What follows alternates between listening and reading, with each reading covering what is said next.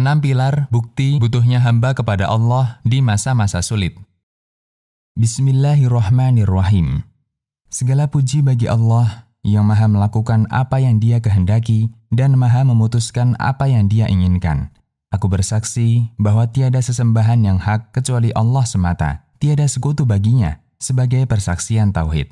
Aku pun bersaksi bahwa Muhammad adalah hamba dan utusannya. Salawat dan salam semoga senantiasa tercurah atas beliau, keluarga, dan para sahabatnya dengan solawat yang sempurna lagi kekal hingga hari kiamat. Amma ba'du, kaum mukminin, sesungguhnya butuhnya hamba kepada Allah Subhanahu wa taala merupakan hal penting yang harus ia miliki. Allah taala berfirman yang artinya, "Wahai sekalian manusia, kalianlah yang memerlukan Allah, dan Allah dialah yang maha kaya tidak memerlukan sesuatu, lagi maha terpuji. Quran Surat Fatir ayat 15 Pentingnya hal tersebut lebih ditekankan lagi pada masa-masa sulit dan ketika adanya hajat di tengah umumnya manusia. Sebab manusia itu apabila tertimpa kesulitan dan kesempitan, mereka sangat butuh kepada Allah Subhanahu wa taala. Dan butuhnya hamba kepada Allah di dalam syariat Islam terbukti jelas pada enam pilar agung berikut. Pilar pertama, beriman kepada takdir Allah Subhanahu wa Ta'ala. Allah Ta'ala berfirman yang artinya, "Dan Dia telah menciptakan segala sesuatu, lalu menetapkan takdir-takdirnya dengan tepat." Quran Surat Al-Furqan ayat 2. Allah Ta'ala juga berfirman yang artinya, Sungguh, kami telah menciptakan segala sesuatu menurut takdir, Quran Surat Al-Qamar ayat 49. Maka, sudah sepatutnya seorang hamba beriman kepada takdir Allah Subhanahu wa taala dan menghadapinya dengan penuh kesabaran. Nabi Shallallahu alaihi wasallam bersabda yang artinya, sungguh menakjubkan urusan seorang mukmin. Sungguh segala urusannya adalah kebaikan dan itu tidaklah dimiliki melainkan oleh seorang mukmin. Apabila tertimpa kesenangan, ia bersyukur, maka itu baik baginya. Dan apabila tertimpa kesulitan, ia bersabar, maka itu pun baik baginya. Hadis riwayat Muslim dari hadis Syuhaib Ar-Rumi radhiyallahu anhu. Oleh karena itu, sepatutnya seorang hamba memakmurkan hatinya dengan cara beriman kepada takdir Allah Subhanahu wa taala dan beriman bahwa segala urusan hanya Allah lah yang Maha mengaturnya serta segala keputusan hanyalah menjadi miliknya. Apa yang Allah kehendaki pasti terjadi. Apa yang tidak dia kehendaki, niscaya tidak akan terjadi. Pilar kedua, bertawakal secara sempurna kepada Allah Azza wa Jalla dan menyerahkan segala urusan hanya kepadanya. Allah Ta'ala berfirman yang artinya, dan siapa yang bertawakal kepada Allah, niscaya Allah akan mencukupinya. Quran Surat At-Tolak ayat 3 Maksudnya, Allah akan memberikan kecukupan kepadanya. Allah Ta'ala pun berfirman yang artinya, Katakanlah, wahai Muhammad, tidak akan menimpa kami, melainkan apa yang telah ditetapkan Allah bagi kami. Dialah maha pelindung kami. Dan kepada Allah semata, hendaknya orang-orang yang beriman bertawakal. Quran Surat At-Taubah ayat 51 maka itu, sepatutnya seorang hamba bertawakal hanya kepada Allah Subhanahu wa taala dan menyerahkan segala urusannya hanya kepadanya. Hendaknya ia tidak mengikuti arus bersama angan-angan yang buruk. Jangan sampai ia menjadi seorang yang lemah, yang mudah diombang-ambingkan ke sana kemari oleh berbagai hayalan. Pilar ketiga, kembali kepada Allah Subhanahu wa taala dan bertaubat kepadanya. Allah Ta'ala berfirman, yang artinya, telah tampak kerusakan di darat dan di laut karena perbuatan tangan manusia. Allah menghendaki agar mereka merasakan sebagian dari akibat perbuatan mereka agar mereka kembali. Quran Surat Ar-Rum ayat 41 Maksudnya, bahwa telah tampak kerusakan pada banyak kondisi makhluk di darat dan di laut, pada makanan mereka, minuman mereka, kesehatan mereka, kekuatan mereka, dan pada segala urusan mereka. Sumber semua itu adalah akibat perbuatan tangan manusia.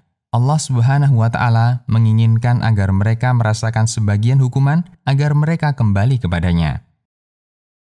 Ibnu Abbas radhiyallahu anhu berkata pada riwayat Ibnul Mundir, yakni agar mereka bertaubat.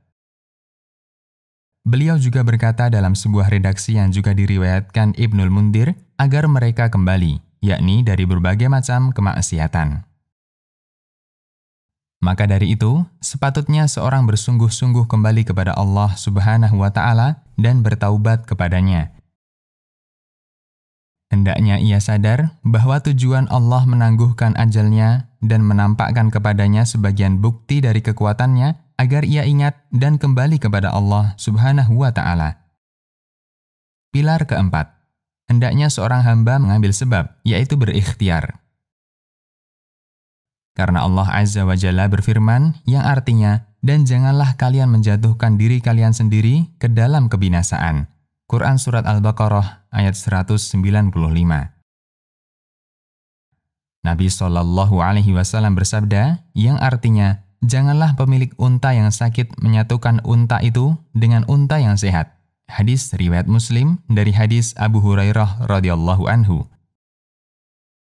Beliau Shallallahu Alaihi Wasallam juga bersabda, yang artinya berlarilah dari penderita lepra atau kusta, sebagaimana dirimu melarikan diri dari singa. Hadis riwayat Ahmad dari hadis Abu Hurairah radhiyallahu anhu. Beliau Shallallahu Alaihi Wasallam juga bersabda, yang artinya apabila kalian mendengarnya, yakni wabah ada di suatu negeri, maka janganlah kalian mendatanginya. Dan apabila wabah tersebut berada di suatu negeri, sementara kalian berada di dalamnya, maka janganlah kalian keluar untuk melarikan diri darinya. Hadis Riwayat Bukhari Maka itu, sudah sepatutnya seorang hamba mengambil sebab keselamatan dengan cara menjaga diri dari hal-hal yang dikhawatirkan menimpa dirinya, baik berupa kekurangan maupun penyakit. Pilar kelima, untuk mendapatkan informasi penting, hendaknya seorang berusaha mengambilnya dari sumber-sumber resmi dan berhati-hati dari berbagai isu atau hoax. Allah Ta'ala berfirman yang artinya, dan apabila datang kepada mereka suatu berita tentang keamanan atau ketakutan, mereka lalu menyiarkannya. Dan sekiranya mereka menyerahkannya kepada Rasul dan ulil amri di antara mereka, tentulah orang-orang yang ingin mengetahui kebenarannya akan dapat mengetahui dari mereka, yaitu Rasul dan Ulil Amri. Quran Surat An-Nisa ayat 83 Maka itu, sepatutnya seorang mengembalikan urusan kepada ahlinya. Hendaknya informasi yang ia ambil sebagai penerangan berasal dari pihak resmi yang khusus mengurusi hal itu, bukan dari selainnya. Ia juga jangan menjadi seperti trompet yang ditiup untuk menyebarkan isu-isu berita hoax di tengah-tengah manusia, sehingga dapat membahayakan agama dan dunia mereka. Pilar keenam, hendaknya seorang hamba bersungguh-sungguh berdoa kepada Allah Subhanahu wa Ta'ala, sebab doa adalah ibadah, sebagaimana sabda Nabi Sallallahu Alaihi Wasallam. Doa tersebut ada dua macam. Pertama, doa yang bersifat umum, yakni seseorang berdoa agar bala diangkat, dihindarkan, atau doa-doa semacamnya yang biasa ia panjatkan ketika berdoa. Seperti ucapan, Ya Allah, lindungilah kami dari bala ini. Ya Allah, hindarkanlah kami dari wabah ini. Sungguh, doa semacam ini disyariatkan. Imam Al-Bukhari membawakan di dalam kitab sahihnya sebuah bab Bab berdoa agar wabah dan penyakit diangkat.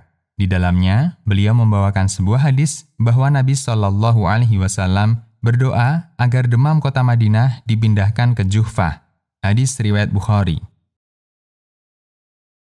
Hendaknya seorang memohon kepada Robnya Azza wa Jalla agar menolak wabah dari bala ini dari kaum muslimin secara umum dan dari negeri ini secara khusus. Kedua, doa khusus berkaitan dengan memohon perlindungan dan penjagaan dari berbagai kekurangan dan penyakit.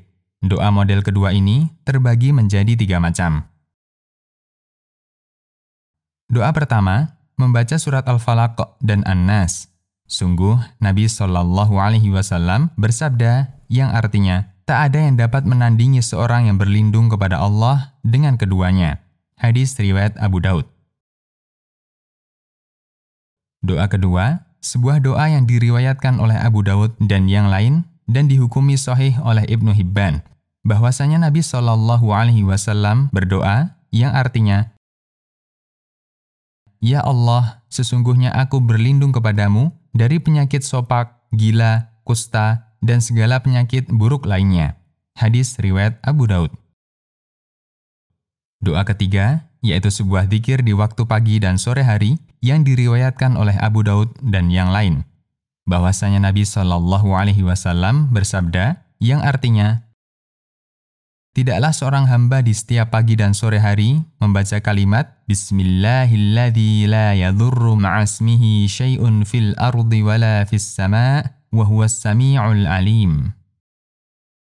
Dengan menyebut nama Allah yang dengan namanya segala sesuatu di langit dan di bumi tak akan membahayakan dan dia maha mendengar lagi maha mengetahui sebanyak tiga kali lalu tidak ada sesuatu yang dapat membahayakan dirinya. Itulah enam pilar di mana sudah sepatutnya seorang berantusias untuk melaksanakan dan mengamalkannya. Kesemuanya merupakan bukti teragung akan butuhnya kita kepada Allah Subhanahu wa Ta'ala pada kondisi-kondisi di mana wabah ini menjerumuskan banyak manusia kepada rasa takut dan kematian. Yang dapat menjaga diri dari semua itu yaitu dengan segera berlindung kepada Allah Subhanahu wa Ta'ala dan senantiasa merasa butuh kepadanya, di mana bukti terbesarnya adalah enam pilar tersebut di atas.